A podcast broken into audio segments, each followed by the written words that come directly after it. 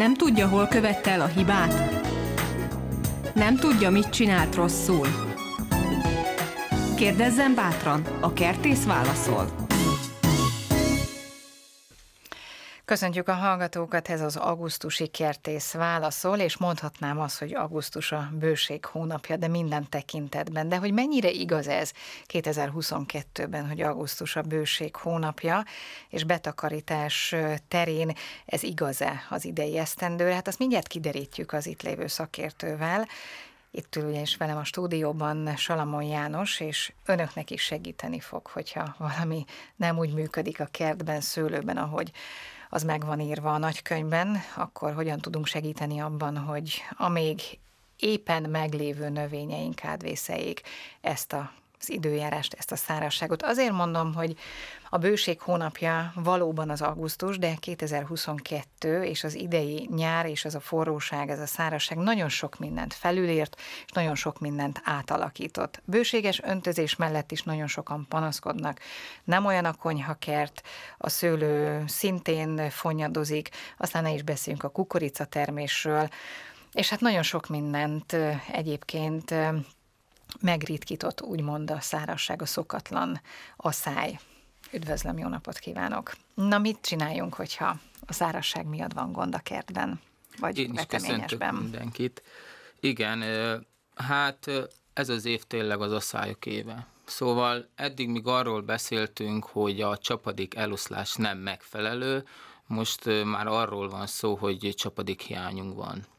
A legnagyobb gond itt az, hogy a télen sincs hó, csapadék, ami mélyebb rétegeket beáztatná, mert azt kell tudni, hogy a talajban a csapadék áramlása az kétféleképpen van föntről, ahogy a csapadék, az eső esik, és ahogy párolog, úgy jön fölfelé.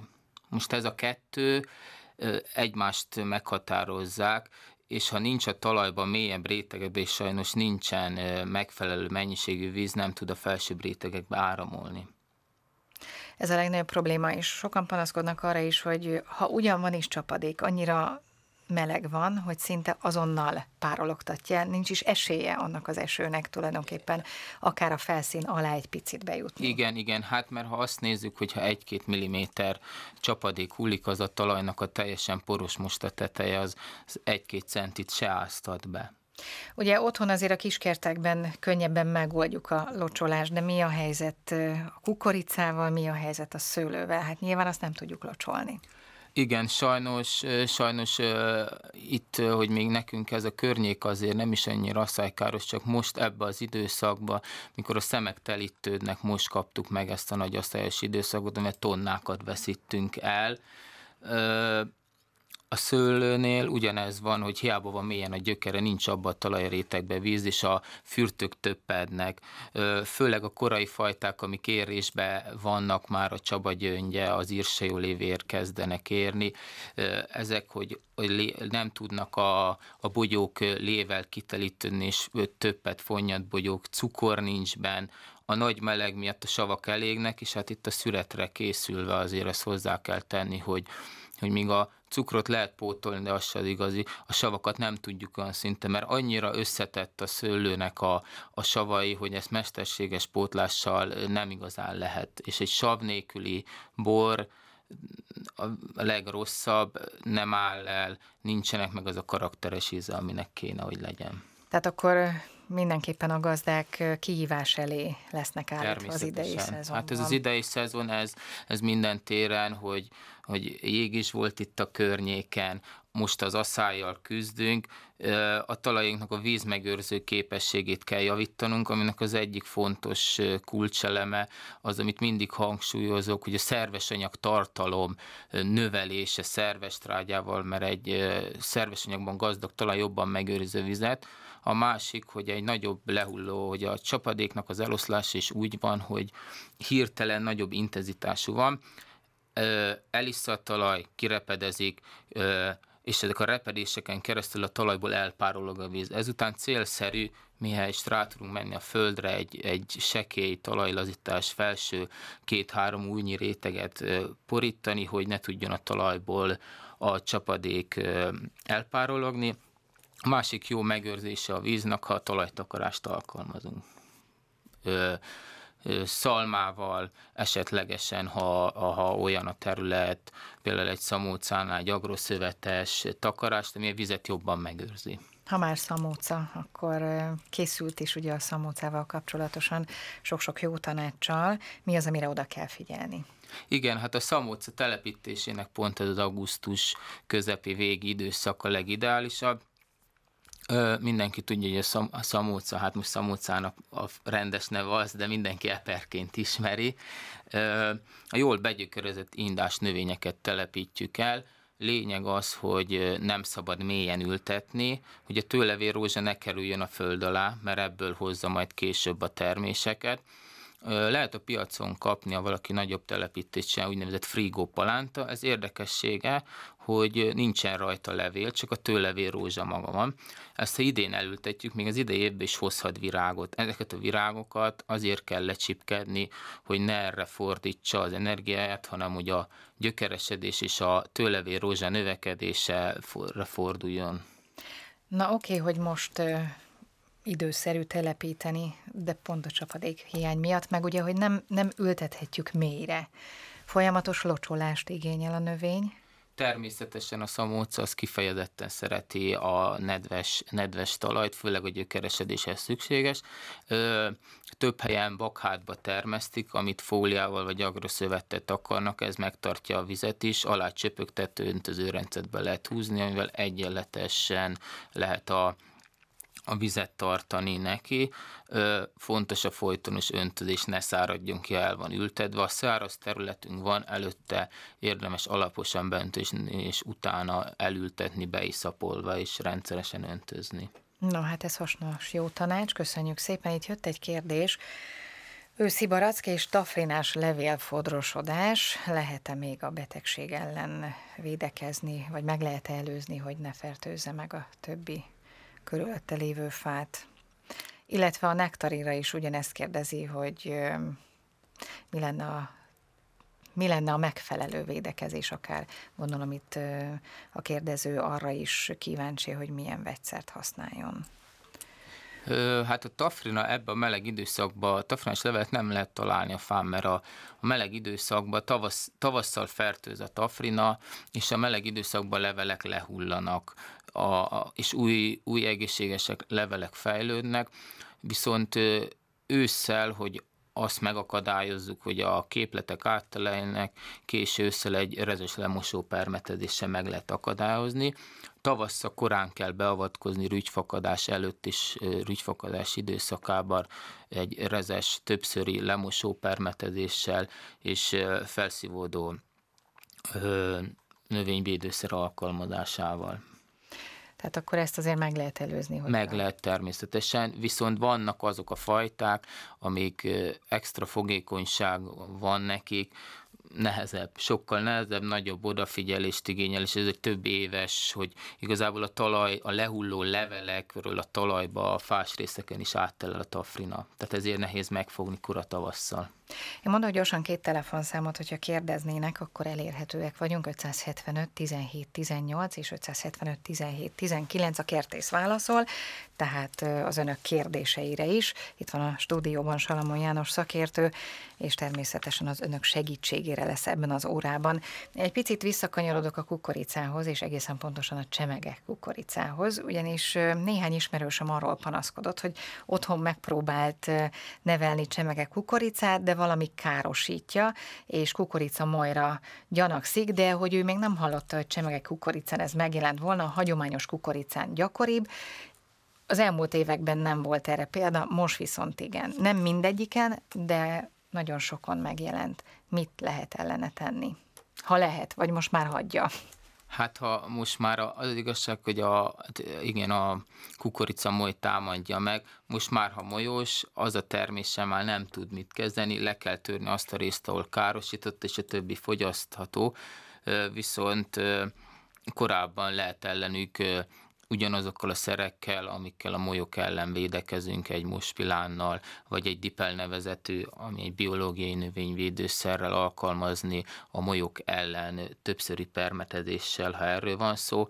Vannak csapdák is, amiket ki lehet, ami ilyen szexferomonos csapdák, amiben belerepülnek az egyedek, és nem tudják károsítani. Ez jelzi is, hogy a petéket le fogják rakni, ezáltal időzíteni lehet a növényvédelmet. Uh-huh.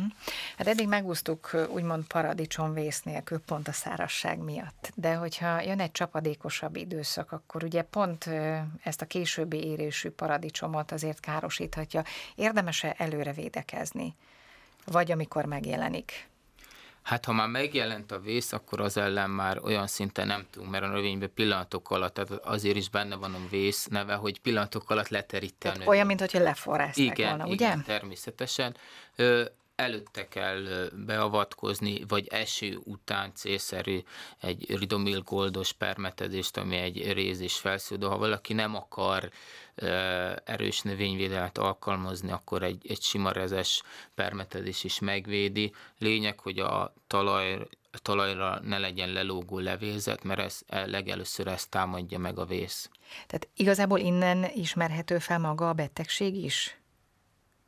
Az alsó az, levelek, az alsó, meg? Hát, uh-huh. ha csapadékos idő van, akkor Vagy milyen sajátságos növényzet. tünetei vannak, amiről Se... egyértelműen kideríthető, hogy ez, ez a betegség? Egyértelműen onnan lehet, hogy egy-egy levél ilyen barnásan elkezd száradni, és, és így a, az egész növényen kezd keresztül végigmenni, tényleg olyan, mintha le lenne forrázva az egész növény, és nagyon hirtelen, drasztikusan tud tovább terjedni, de ez, ez csak akkor alakul ki, egy hűvösebb, csapadékosabb időnk van, most ha kapnánk egy nagyobb esőt és jó idő lenne, utána azért nem olyan járványszerűen történik ennek a, a betegségnek a terjedése. Viszont ha nagy csapadékot kapunk, az másik gondot okozhat a paradicsomnál és a szőlőn is, hogy a hirtelen felvett csapadék miatt a bogyók felrepednek. Ezért célszerű a paradicsomot is rendszeresen öntözni, nagy vízmennyiséggel inkább, mint ritkán kevéssel, mert, mert akkor, ha egy nagy mennyiség, tényleg felrepednek a bogyók, nem tudják követni a sejtfala. De jó, hogy említette a felrepett bogyókat, mert erről most eszembe jutottak a darazsak. Rengeteg van. Hogyan lehet védekezni ellenük, ha lehet? Én bevallom őszintén, hogy óriási nagy fügefám van, viszont én az idén arról nem nagyon tudtam szedni fügét. Nyilván nagyon korán reggel kellene menni, vagy késő este, napközben egyszerűen nem is lehet hozzáférni a fához, és abban a pillanatban, ahogy a füge már beérett, és édeskés íze van, kiukasztják, és hihetetlen gyorsasággal emésztik föl, eszik meg tulajdonképpen a gyümölcsöt, és nem is nagyon tudtam róla szüretelni. igen, a legnagyobb gond, főleg a fügénél, meg a csemege szőlőknél is, ha érett, egyből megtámadják. A csemege szőlőnél lehet azt alkalmazni, hogyha olyan különleges fajták van, vagy szép fürtök, hogy egyenként egy ilyen direkt van ilyen darazsok ellen védő hálót ráhúzni. Ez egy ez egy ilyen szúnyoghálószerű anyag, és nem tudják megtámadni. Csapdázni is lehet őket, hogy cukros vizet akasztunk ki petpalaszba, és kifúrjuk, és ebbe röpülnek bele, mert előbb megérzik ezt, ezáltal ezek belefulladnak, és, és nem támadják meg a növényt. Hát nyilván erre azt gondolnám, hogy nem akarom, hogy direkt még több jöjjön, amúgy is sok van. Igen, de ha már ott van, akkor, akkor legalább ezt támadják meg, nem a, nem a gyümölcsöt. Szóval ezért lehet, ha ér egy gyümölcs van, így is úgy is oda jönnek, viszont akkor ebbe mennek bele, és nem a gyümölcsöt támadják meg. Direkt vannak ilyen darás csapdák is, amik, amik erre vannak kialakítva. Na most, ha már fügét említettem, akkor másik probléma, hogy rengeteg gyümölcs van a fán, tele van, de nem érik be mindegyik. Tehát, hogy zölden maradnak, vagy zölden, és így meg, megkeményedik, és nem, nem, nem érik be a gyümölcs. Az minek lehet a következménye? Több, több következmény lehet, vagy az, hogy nagyon sok van rajt, az első, mert hát azért azt kell tudni a fügén is, hogy két-három érése is van akár egy fügének, és ha az első sok van rajta, akkor a következőket nem tudja kimelni és ledobja. A másik, hogy vannak azok a fügék, aminek kéne megtermékenyítés. Itthon nálunk azért többnyire olyanok vannak, amik nem kell, de ha ilyen fajtát valahogy bekeveredik, vagy ilyen veszünk, oda kéne egy füge darázsnak lenni, ami megtermékenyíti. Viszont a hideg klímában ezek, ezek nem, nem tudnak áttelelni, meg folyton kéne termésnek lenni, ahogy meg tudják termékenyíteni többit is. Amúgy a zöld füge az felhasználható? nem nagyon, mert a fügéről azt kell tudni, hogy ez a fikuszok közé tartozik, és ez a tejnedve, ami van, sokszor még ha a növényt is metszi valaki, ilyenkor allergiás lehet rá, nem nagyon alkalmazzuk semmire az éretlen, élvezhetetlen, olyan kesernyés, tényleg, szóval nem jó étkezésre. Na, citromfa, hogyan lehet megszabadítani a pajstetfektől? Ez is egy hallgatói kérdés. Ja, hát ez visszatérő egyébként Igen, mindig. Ez visszatérő. Mert nyilván, aki már nevelgeti a citromfejet, az azt szeretné, hogy tökéletes pompájában hozza a termést, hogy szép legyen a levélzete, és ha megjelennek a pajstetfek, na azoktól tényleg nehéz megszabadulni. Igen, a pajstetvek az, az, az egy nagyon nagy gond. Későn is vesszük észre, mikor már sok van, akkor vesszük észre. A növényvédőszerek egyre kevesebb használ ellenük. Nagyon, hát egyik jó megoldás, ha meglátjuk ezek tényleg a telepeket, akkor azt egy szappanos szivacsal ledörzsölni, vagy összenyomkodni. Most egy nagy növénynél ez nehézkes, ott, ott ha rovarölőt alkalmazunk, mindenképp kell belerakni tapadót, vagy egy narancsolajt, hatóanyagút, vagy egy szappant, hogy, hogy, mert fényes alapból a, a a pajstetvek is, és a növényvédőszer ezáltal, ezáltal lefolyik róla, meg alapból a, a citrusoknak a levele is fényes, nem tapad meg a növényvédőszer. Egyszeri permetedésnél nem tudunk megszabadulni vele, többször hetente célszerű, meg figyelni kell, hogy szaporodnak-e. Jó, köszönöm szépen. Mondom még a telefonszámot, ha kérdésük lenne, 575 17 18 és 575 17 19. Szerencsére én sem fogyok ki a kérdésekből, mert sok minden van.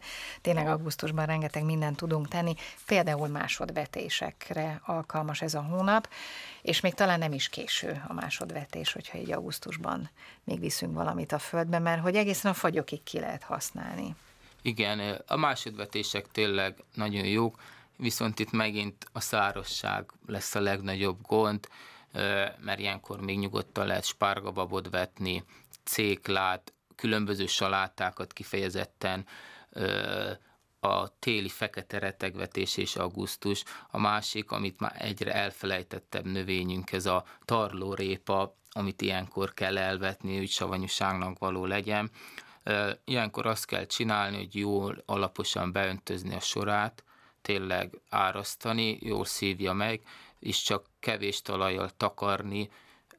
Én azért nem mondom azt, hogy öntözzük, mert ha elfelejtjük öntözni vetés után, megcserepesedik, ezek az apró magok nem tudnak kikelni. Mi a helyzet? Lehet-e ilyenkor még például csemege kukoricát? Vetni, vagy akár a rövid tenyészidejű sárgarépát. Van, aki próbálkozott ezzel, és több-kevesebb sikerrel. Ö, meg lehet próbálkozni, a hosszú ősztől függ. Most ha azt nézzük, hogy egy 50-60-80 napos tenyész időszakról beszélünk, akkor még beleférhetünk a fagyokig, viszont itt öntözni kell akkor tényleg, hogy, hogy a növény tudjon növekedni. Ez mindenki maga dönti el, hogy, hogy ezt a rizikot bevállalja, hogy egész őszig öntözi, és lesz rajta, vagy nem lesz rajta. Mi a helyzet a kajszi barackkal? Ugye az már beérett, leszüreteltük, kell-e ezt a fát utógondozni, úgynevezett ilyen megelőző célzatta, hogy a következő évben is bőtermést hozzon. Tehát mit kell tulajdonképpen a kajszi barack fának adni a szürete után? Minden gyümölcsfánál azt kell mondani, hogy a szüret után, főleg a korán leérnek, nem felejthetjük el. Nem felejthetjük el a növényvédelmét, ugyanúgy megtámadják a levélbetegség, ugyanúgy megtámadhatják a, a például az arany, a csontéjasok sárgaság fitoplazmáját, amit a szilvalebélból, ha terjeszt, az ugyanúgy terjeszti, a stigminás levél lyukacsosodás ugyanúgy megvan, és ha ezeket a, a kártevőket, kórokozókat most nem nem iktatjuk ki, akkor ezáltal térre betelelhetnek. A másik, hogy itt van augusztus közepén, meg lehet őket metszeni is akár. Nagyon jó ilyenkor megmetszeni a csontjasokat, a letermettek, nagyon jól beszáradnak a sebek, és ezáltal tavasszal nem lesz ezekkel a fákkal gondunk ami a fő gond a kajszinál, hogy a tavaszi meccésnél a gutaütés tünetét okozó gomba és baktérium együttese fertőz 15 fok alatt, most itt ezáltal meg tudjuk akadályozni ezt. No, hát egy picit zenéljünk, aztán utána egy kicsit a diószüretről beszélgessünk, mert hogy ott is tudunk azért véteni hibát, hogyha túl korán vagy túl későn szüreteljük, úgymond a diót, de hogy mi a legfelelőbb, meg, legmegfelelőbb időpont, arra mindjárt kitérünk majd.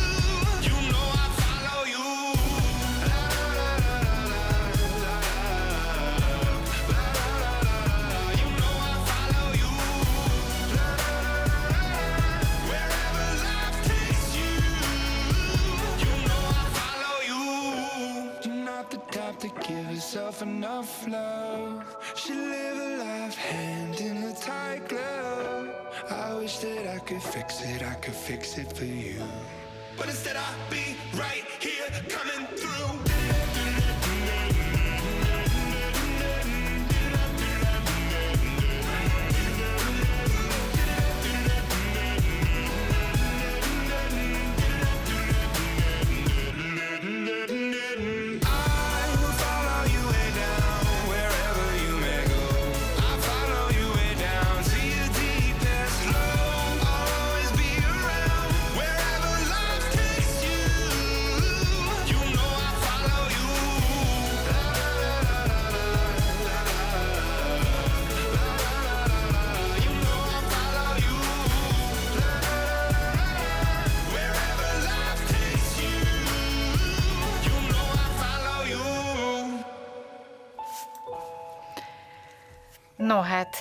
Bő két perc után itt is vagyunk. A telefonszámaink 575 17 18 és 575 17 19. Egyelőre nem érkezett kérdés, ezek szerint mindenki jól kertészkedik, és tökéletesen ért mindenhez, és nincsen probléma. Ez viszont jó hír nekünk. Na de ha már diót említettem, akkor ugye a dióval kapcsolatosan rengeteg kérdés szokott érkezni az elmúlt hónapokban, években is, és visszatérő probléma is egyébként a diót károsító kórokozóknak a jelenléte, de ugye most a dió érés időszakába lépünk. Kell-e egyébként arra figyelni, hogy mikor takarítjuk be a diót, mert hogy sokat nyerhet, aki betartja a megfelelő szabályokat itt is, gondolom. Hát azért a dió betakarításnak az időszaka még odév van, többnyire, különböző fajták máskor érnek, szeptember vége, október, november is. Az a lényeg, hogy a, most ez a téfit, mikor egy diót minél jobban verjük, annál jobban terem, ez, ez egy téfit. A magától lehulló termés az biztos, hogy egészséges. A, ami többnyire az évek során most már tényleg nem tudunk normális diót betakarítani, több kártevője van, az alma moly károsítja, ami, ami sokkal rosszabb, mert a, meg a csonthéba belül a belsét is károsítja, és ahogy megszúrja ezáltal gombás és baktériumos betegségek elkapják, és ezért feketedik rá maga a, a dióburok, ami, ami utána tényleg fekete lesz a termés maga belül, ami, ami fogyaszthatatlan. Ezzel ellen védekezni, hát az, hogy egy, egy nagy diófánál nehézkes. Most egy tényleg egy 40-50 éves idősebb diófát permetezni házikerben nem nagyon tudjuk. Itt azt lehet csinálni, hogy a lehulló lombot célszerű elégetni, hogy ami levélen áttelelne gombás betegség, baktériumos, meg a termést is elégetni, ezekkel ezt, ezt meg tudjuk akadályozni, de ha valaki permetezni akar ellenük, akkor tényleg a baktérium ellen még mai napig is a rezes készítmények, egy rézoxid, klorid, egy részhidroxid, vagy egy bordói leves permetezést csinálnak ősszel lompullás előtt. Mi a helyzet a dísznövényekkel? Igen, mindenki szeretné otthon a kertbe egy, egy angol kert stílust, minél több virág, tényleg haragos zöld fű, aminek ára van, öntözni kell, tápolatozni a talajt, a talajban élő talajt kell létrehozni, minél több tápanyagot, takarni a talajt, hogy kevesebbet kelljen öntözni, viszont egy száraz talaj sose takarunk, csak miután jól beöntöztük, vagy átnedvesedett. A másik ilyen időszerű munkák a kertbe, hogy az évellők, amik elvirágoztak, azokat visszavághatjuk vagy földig, vagy felére. Például a, a floxokat a félig visszavágjuk, vagy levágjuk a virágfejeket, amik voltak, míg újra virágozhatnak kisebbet, ősszel többet. A másik ilyen munka... Közben van egy telefonálunk is, aztán majd visszatérünk ehhez, jó? Üdvözöljük, jó napot kívánunk! Jó napot kívánok! Én már 15 héten, de hát nem vették fel. Én nekem van egy kérdésem. A piros lóher valami érci, és mivel kellene ezt megtermetezni, a jobba hagyja? Már marsan virágik, a leveleket nem lehet leszakotni. Akkor elszárad az egész piros lóhere, jól hallottam? Igen, igen. Ez takarmányozási cél? Nem, nem, nem, ez szobai. Szobai növény. Lóhere és szobai igen. növény. Igen. A na- nagy, mint a, a takarmány lóher, csak a zöld, ez meg piros. Ennek ilyen egy-egy szálon van levele, és virágot is hoz. Igen. Ez igen. az oxálisznak mondott madársóskánk egy diszváltozatáról mm. lehet szó. Igen, nem tudom más, milyen ö, Hát nem tudom, hogy mi károsítja, vagy hogy néz ki, hogy hát, ö, szövedék van-e rajt, mintha molyrágnál, vagy, vagy... Hát azt meg lehet, hogy molok, hogy az rágnáik. Igen, hát a... apró kis likak vannak rajta akkor ha apró kis likak vannak, nem tudom, nem a földi bolha lehet rajta. Mondjuk ezt nem károsítja, mert ez a keresztes virágokat károsítja, de lehetséges. És azt mivel lehet permetezni? Hát szobai növényeket először is vigyük ki a szobából, ha ott benn van, mert ott benn sose permetezünk, Igen. És, Igen. és egy karatezeonnal célszerű megpermetezni. Ez egy piretrin hatóanyag, és, és ha rajta van a kártevő, akkor azokat egyből le, lehullik, és akkor meg is lehet látni, hogy mi az, mert de én nem tapasztaltam ennél az oxálisznál, hogy, hogy valami károsítaná. Meg a körül a szél szárad neki. Ö, Van többnek. Szárad. A levelina. Ö, azt azért lehet tudni ezeknél, hogy a régi levelek elhalnak. Ö, nem tudom, hogy tápoldatozik, vagy mennyire öntözik ezt a növényt, milyen földbe van, ez is sokat számít. Uh-huh.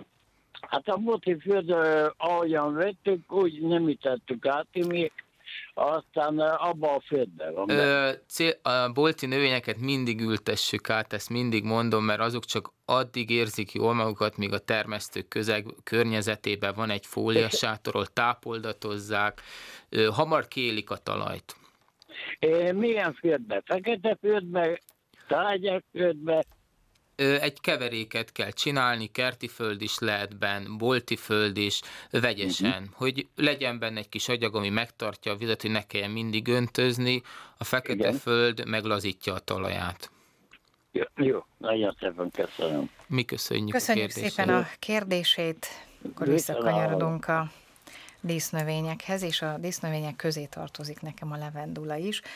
Ha, ha másodvirágzásra akarjuk ösztönözni, akkor most célszerű visszavágni, és mennyire?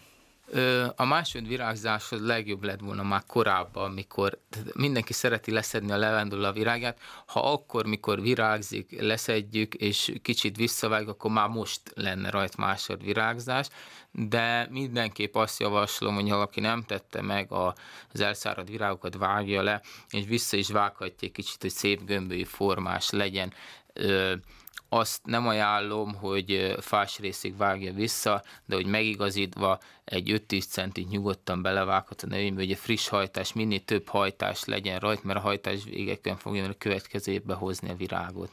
Akkor én is már egy picit elkéstem. Na de még lehet pótolni. Van telefonálunk is kérdéssel. Jó napot kívánunk!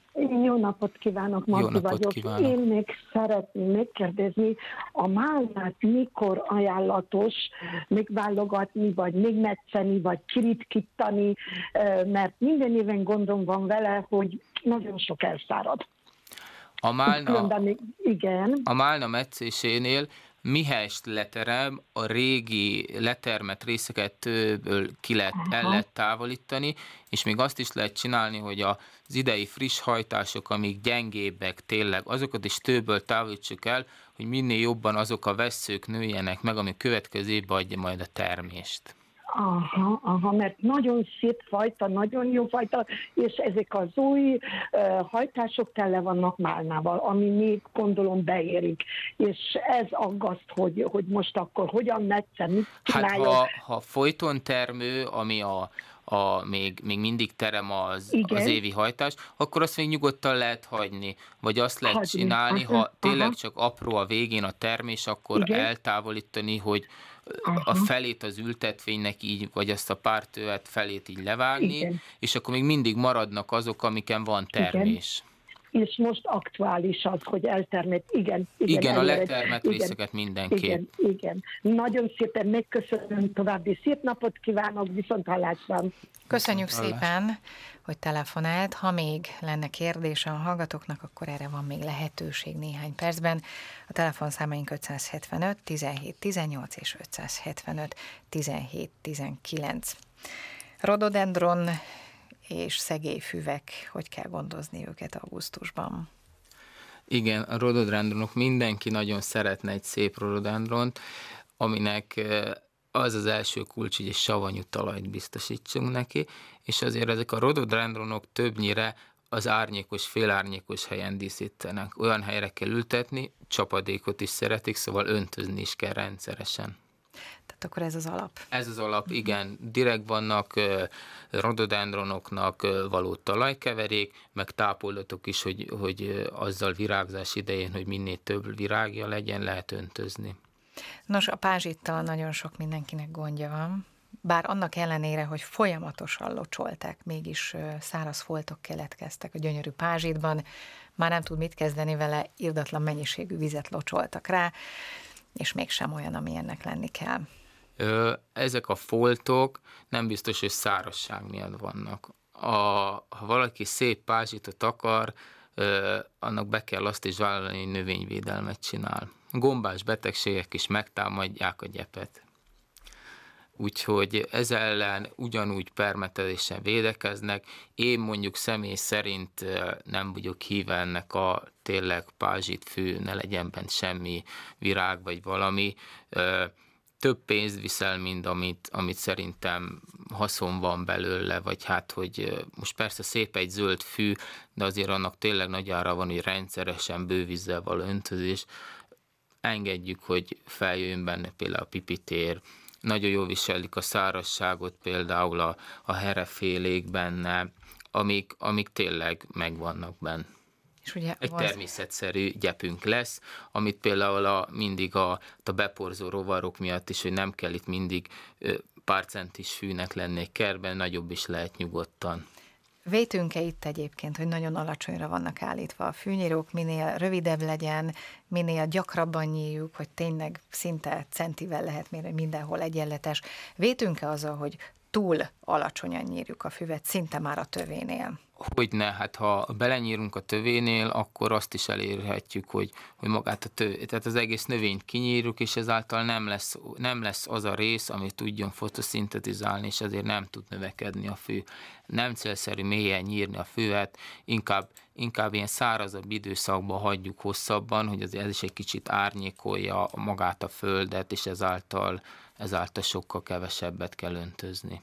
Na hát visszakanyarodunk így a vége felé még a szőlőhöz.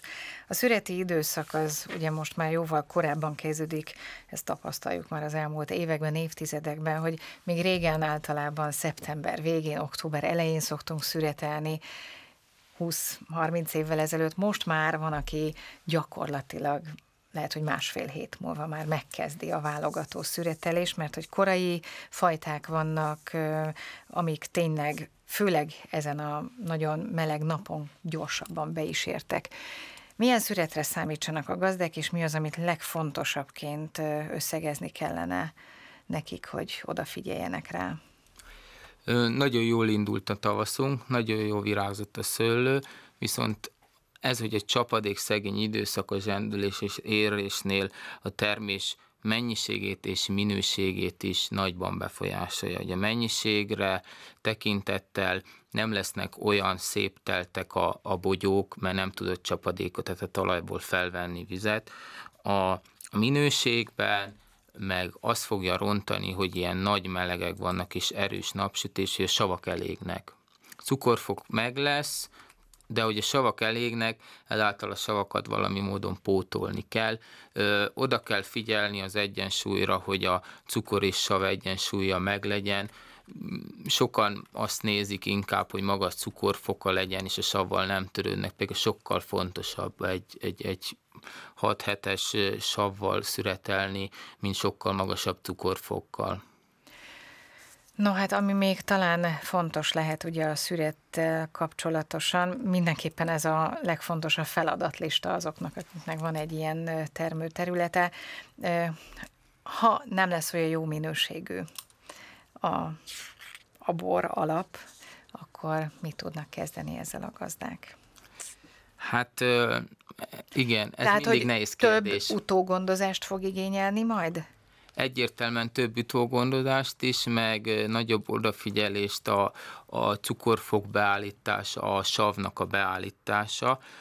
Itt a cukorfoknál, meg hogy a színeződése, például a kék szőlőnél, hogy a fokozását, ezt egy káliumtartalmú lomtrágyával tudjuk segíteni, főleg a későbbi érésűeknél, de még ezeknél is, hogy egy szüret előtt két-három héttel, vagy korábban elkezdjük ez a kálium tartalommal, sőt ez a kálium tartalmú lomtrágya még a veszők beérését is segít, és a téli tehát a, a fagyálóságát a szőlőtőkének ez is nagyban segíti. A másik ilyen elem, ez a bortartalmú, amit korábban virágzáskor említettem, hogy a kötődést elősegíti, ez ugyanúgy a cukorfok emelésére nagyban segít, a másik megoldás, ha valakinek későbbi szüretelési szőlője van, hogy a fürdzónát két-három héttel tervezett szüret előtt lelevelezzük, hogy minél több napfény érje, főleg a tömött fürtű szőlőknél, meg ha sok van rajta, hogy a, a, a tőkének a belső részében mindig a hát úgy szoktuk mondani, például egy ö, piros saszlánál van egy piacos oldala, ami napsütötte a sokkal pirosabb, a másik fele, tehát mindig úgy forgatjuk, a, a, ha eladásra viszik a szőlőt, hogy ez a piacos fele legyen fölül, mert a belső keve, fele kevesebb fényt kap, ezáltal nem lesz olyan piros. Hogyan lehet virágzásra serkenteni még a rózsát? Sokan jelezték, hogy folyamatosan metszik, még sincs rajta annyi, mint az előző években. Ez is betudható egyébként a szárasságnak? Illetve az, hogy, és ezt én is tapasztaltam, hogy szinte megvan a rózsabimbó, és nem, nem tud kiteljesedni a nyílás, hanem szinte a zárt állapotban lehullatja a szírmait. Igen, ez betudható a meleg száraz időnek is, ugyanúgy betudható. Ez, ez főleg ez a tömvetelt virágú, főleg ez az angol rózsák, meg ez az Austin típusú rózsák, amik, amik annyira telt virágú, hogy a külső szírom egyszerűen rászárad. Erre rá tudunk egy kicsit segíteni, ha levesszük a külső rászáradt szírmot, de ez már csak egy mesterséges segítés azért nem virágoznak olyan szinten a rózsák, mert azért, azért szárazság van nekik. Azért a rózsa is szereti a kicsit hűvösebb, csapadékosabb időjárást, öntözéssel rá tudunk segíteni, hogyha öntözzük rendszeresen. A másik, hogy, hogy a meccésnél arra kell ügyelni, hogyha elvirágzott, az elvirágzott rózsánál úgy távolítsuk el a virágfejeket, ezeket a bugákat, hogy a legelső olyan levél alatt vágjuk el, amilyen ötös elágazáson, hogy összetett levelei vannak. Ezáltal az a legelső érett rügy, és onnan fog hozni azt a hajtást, ami virágban. Míg rá tudunk segíteni a korábbi virágzásra, hogyha ezt a levelet lepattintjuk óvatosan, és ezzel indukáljuk azt, hogy az a rügy sokkal hamarabb kihajtson. Uh-huh. Jó, meg egy picit a fűszernövényekről beszélünk, mert augusztusban gyakorlatilag már szintén a feladatok közé tartozik, hogy a fűszerkerti növényeket is szárítsuk, és télire ugye elraktározzuk. Most divatos lett úgymond fűszerkerteket kialakítani, holott ez nem egy új keletű dolog, hiszen nagyanyáinknak is volt fűszernövény a kertben, csak nem ilyen szépen sorban, Igen. hanem itt-ott elültetve. Most viszont már olyan szépen rendszerezetten megvan, hogy hova ültetjük a mentát, a bazsalikomot, minden olyan szép patika rendben van. Ezeknek a gyűjtése augusztusban esedékes. Hogy lehet ezeket jól úgy szárítani, hogy tartósan a gyógynövények és a fűszernövények szárítása lényeges, hogy, hogy szellős, meleg helyen legyen, és napfénytől védett, mert ha napon szárítjuk, akkor olyan lesz, mint rossz minőségű szén, a barna lesz, de ha meleg szellős helyen, akkor nagyon szép zölden szárad meg. Tehát akkor közvetlen napsütésnek nem is Nem szabad kitenni. kitenni, van, amikor a hatóanyagot is ezáltal kitesszük a napra, megöljük benne, meg hogy tényleg ilyen tényleg ö, egyszerűen ilyen szénaszínűre szárad az egész. Ö, azt lehet csinálni, hogy például ha erősebb fás részleget, mondjuk egy rozmarinnál levágunk, és azt szeretnénk, hogy minél hamarabb leszáradjon, akkor szépen a leveleket leúzni, kiteríteni egy szúnyoghálóval leterített egy ilyen asztalt csinálni, vagy, vagy egy rekeszbe, hogy szellőzzön, és forgatni. Ha nagyobb tömeg van, szépen elteregetni, és forgatni kell naponta, két naponta, hogy mert a teteje előbb szárad, mint az alja, nehogy, nehogy bepenészesedjen. No, hát én azt hiszem, hogy sok mindenre kitértünk. Mi a jó tanácsa a szakembernek erre az augusztusi hónapra? Mindazoknak, akik kertészkednek, szőlészettel foglalkoznak, vagy bármilyen haszonnövényel. Ugye valóban július vége hozta az elképesztő hőséget, most egy picit ez enyhült. Segíthet-e egyébként az enyhülő egy picit enyhébb időjárás nekünk, gazdáknak abban, hogy hogyha már eddig küzdöttünk vele, akkor talán egy kicsit könnyebb lesz most már, és egy kicsit eredményesebb lesz a betakarítás is. Mindenképpen egy kicsit hűvösebb, főleg ha esténként egy kicsit hűvösebb van, az, az nagyban segít a növényeknek, hogy jobban tudnak fototintetizálni és légcseréljük legyen viszont a csapadék nagyon kéne, úgyhogy fohászkodjunk ahhoz, hogy, hogy essen az eső minél előbb, mert mert nagy, nagy bajok lesznek, ha nem lesz eső, szóval tényleg azt mondom, hogy a kukorica több tonnát veszítünk ilyen szárazsággal, és a kései szőlőfajtáink is sokkal kevesebb lesz a termés mennyisége, tehát nem lesz lé a bogyóban. És még hát hozzáteszem, hogy az almáknál, a későbbi szüretelésnél a, hát nem nőnek meg az almák. Tehát akkor nagyon kellene az égi segítség nagyon, ahhoz, nagyon. hogy hogy jó legyen a termés. Legközelebb szeptember elején találkozunk, akkor még szintén rengeteg feladat lesz, akkor lesz az igazi szüreti időszak, úgyhogy biztosan akkor is beszélünk majd erről a szép őszi betakarítási formáról. Na de addig mindenkinek eredményes kertészkedést, és hát amit kívánhatunk, csapadékosabb heteket. Köszönöm szépen János, hogy itt volt ezúttal, és a stúdióban várjuk vissza szeptemberben. Én is köszönöm. A hallgatóknak pedig a figyelmet legközelebb szeptember 6 kell jelentkezik a kertész válaszol.